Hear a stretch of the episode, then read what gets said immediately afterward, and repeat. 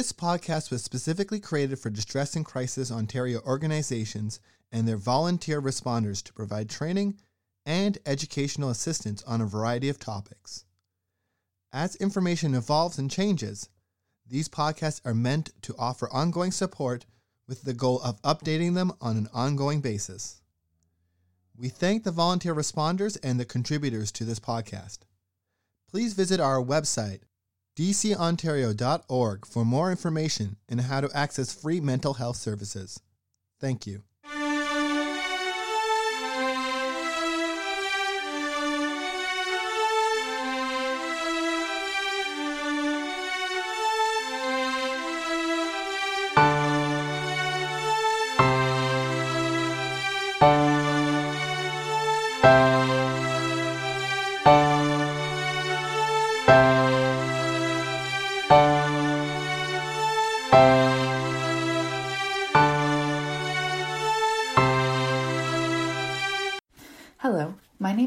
Plant, and I am the Program Manager for Distress and Crisis Ontario. Thank you for choosing to listen to our podcast today. With the holidays quickly approaching, we wanted to spend some time focusing on how we might prepare for any feelings of loneliness that exist for many people and for many reasons around this time of year, especially in our time of COVID related challenges. It can be difficult for many when the overwhelming image of the holiday season is one that promotes dedicated, happy, loving, warm family time when this isn't possible or realistic for a lot of folks. Maybe your family has strong emotional ties, but COVID prevents a get together again this year. Or maybe your family doesn't have close emotional connections or is downright toxic, and when you do get together, you don't feel supported by them. Or maybe you've lost a loved one and have a hard time facing the season without them. These are all sadly common occurrences, among other situations that cause loneliness. The Canadian Mental Health Association, CMHA, has described loneliness as an experience that means our current close relationships don't meet our needs. Despite the name, you don't always have to be alone to feel lonely.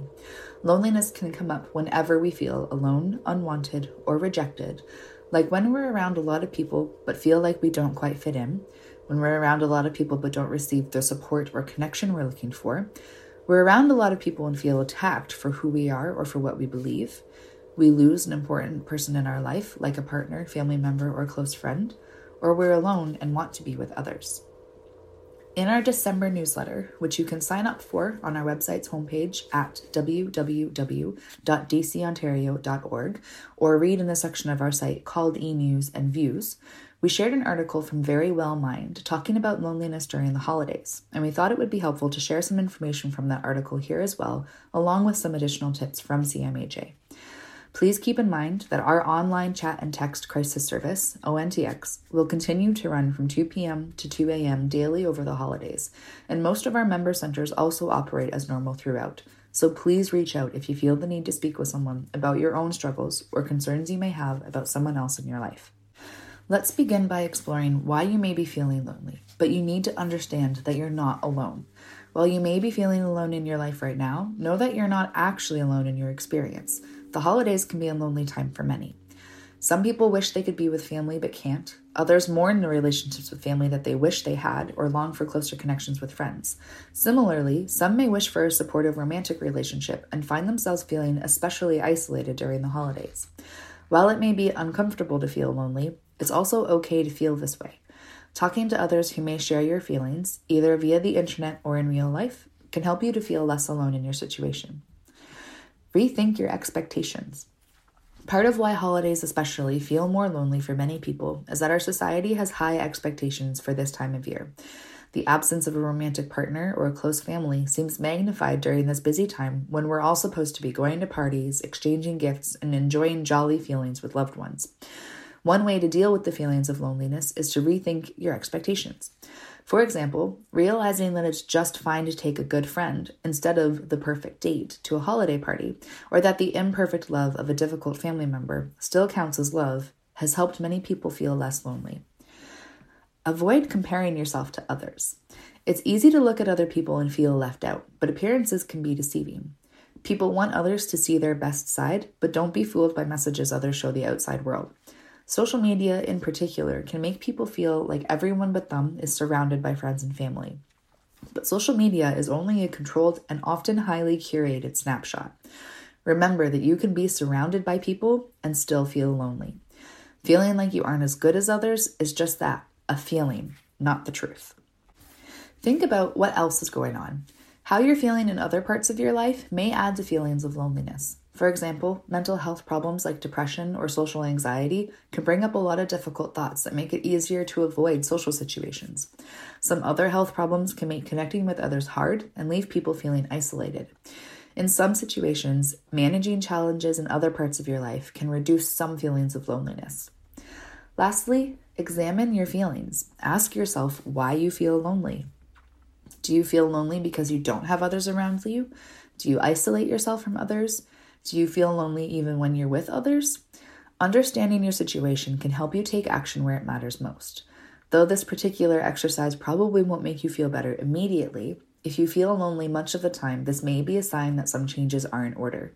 You may want to examine what's behind your feelings of loneliness, either on your own or with the help of someone else. There are many ways to connect with others virtually or over the phone, so you don't even have to leave your home. Now that you may have a better understanding of why you feel lonely, let's explore some ways that we can manage our feelings of loneliness and foster meaningful connections with others. The first tip we have is to be good to yourself. While it may not completely erase feelings of loneliness, taking special care of yourself can help you to feel better and enjoy your solitude more. Whether you take a relaxing bath and give yourself spa treatments, curl up with a good book, enjoy a hobby, or learn something new, doing something for yourself is a form of self care that is especially important during difficult times. Taking time to do things that will enhance your self esteem, or at least give you a good dose of fun, will not only take your focus off of feeling alone, but can lift your spirits as well. Give yourself some time, too, especially during big changes. It's common to feel lonely during transitions like starting at a new school, moving to a new city, or starting or leaving a job. Whenever you're going through a transition, it can take some time to settle in and find your new place. Loneliness may only be a temporary stop along the way. Get connected. You may feel lonely when surrounded by people, but it's harder to feel lonely when you're reaching out to them. Whether you're saying hello to neighbors, exchanging friendly words with people at the office, writing holiday cards, or picking up the phone and calling an old friend you haven't spoken to in a while, reaching out to people and strengthening bonds can help you feel more connected and less lonely. This may be a time to message people over social media whose statuses you usually simply like and catch up on old friendships. Cultivating gratitude can also work against loneliness. There are many far reaching benefits to practicing gratitude, some of which we've shared on the podcast before. But one easy antidote to feelings of lacking things is to cultivate feelings of gratitude for what you do have. It's hard to focus on both at once. If you're feeling a lack of love in your life, make a concerted effort to focus on the love that you do have from friends, family, neighbors, and even pets. You can also focus on things you really value in your life, like work, hobbies, or even your potential. Maintaining a gratitude journal can be a wonderful exercise in cultivating an attitude of gratitude. Better still, it can leave you with a written record of everything you have to value in your life to read through when you're feeling down. Similarly, it can be helpful to give to others. One particularly meaningful way to feel less lonely during the holidays and any time is to donate your time to a cause you believe in. Helping others who are less fortunate can fill you with feelings of love and pride. It can also help remind you of all you have to be grateful for, and even connect you with others who share your passion. You'll be part of something larger than yourself, and you'll be immersing yourself in the true spirit of the holiday season. Perhaps someone in your community has lost their job and can use a little extra goodwill. Drop off an unexpected gift on their doorstep, or reach out to them to find out if they're having trouble affording a specific present for a little one on their list. Sometimes following tips like these would be easier said than done, but it's important to ask yourself if you would benefit from putting more time into your social life so that you have stronger relationships. Is something inside of you causing you to keep people at a distance? If you'd like to deepen your friendships, it can cost a little extra time and energy, but the payoff is having increased support and feelings of being heard and understood. Here are a few tips to help you build the relationships you need. Be strategic. Think about the types of relationships you want. For example, if you prefer talking with others in small groups, look for opportunities to meet people in smaller groups.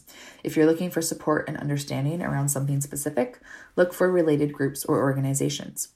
Use your interests or skills to your advantage. Join a sports team, take a course, or join a club to meet people who already share your interests. Take it slow. Building confidence is an ongoing process. Give yourself manageable challenges. If you feel very isolated, simply learning to feel comfortable in public spaces like a busy coffee shop might be a good first step. Be active and patient. It takes time to build solid relationships. It can be a bit scary at first, but try to initiate conversations or suggest opportunities to spend time with others. Accept that it may take time to feel connected and like you're part of the group. Accept that you won't be everyone's friend, and that's okay. You probably don't get along with everyone you meet, and some people may not get along with you. This isn't a reflection of your value or worth, it just means that you haven't met the right group of individuals yet. Aim for healthy relationships. If you find that you are the one who isn't heard in your relationships, building assertiveness skills can help you articulate your needs respectfully. The other person is an equal partner, and their needs also matter. If you make it all about you and your needs, your relationship may suffer. Identify and work around barriers. Is there something standing between you and the relationships or activities you'd like to pursue? For example, childcare can be a barrier for new parents, and transportation or mobility concerns may be a barrier for older adults. If you can't find a solution easily, ask for help. A family member might be willing to help with childcare, and a community organization might help with transportation. Build family relationships. If you have a helpful and supportive relationship with family members, think of ways to increase connections. Geography and other factors might mean that you don't often see each other in person, but phone calls, video calls, email, and other forms of communication can help you stay connected. Unfortunately, not everyone has strong family relationships to rely on, but friendships or found family should take priority in those situations. Thank you for listening to today's podcast. We hope that it has provided some useful information for you or for you to share with someone else in your life. Please remember that most of our member center distress lines remain open as usual over the holidays, and you can find your closest location at www.dcontario.org forward slash locations. ONTX will also be operating as usual from 2 p.m. to 2 a.m. daily and can be accessed from any page of our website or by texting support to 258 258. Thank you for listening, and I hope you have a good week.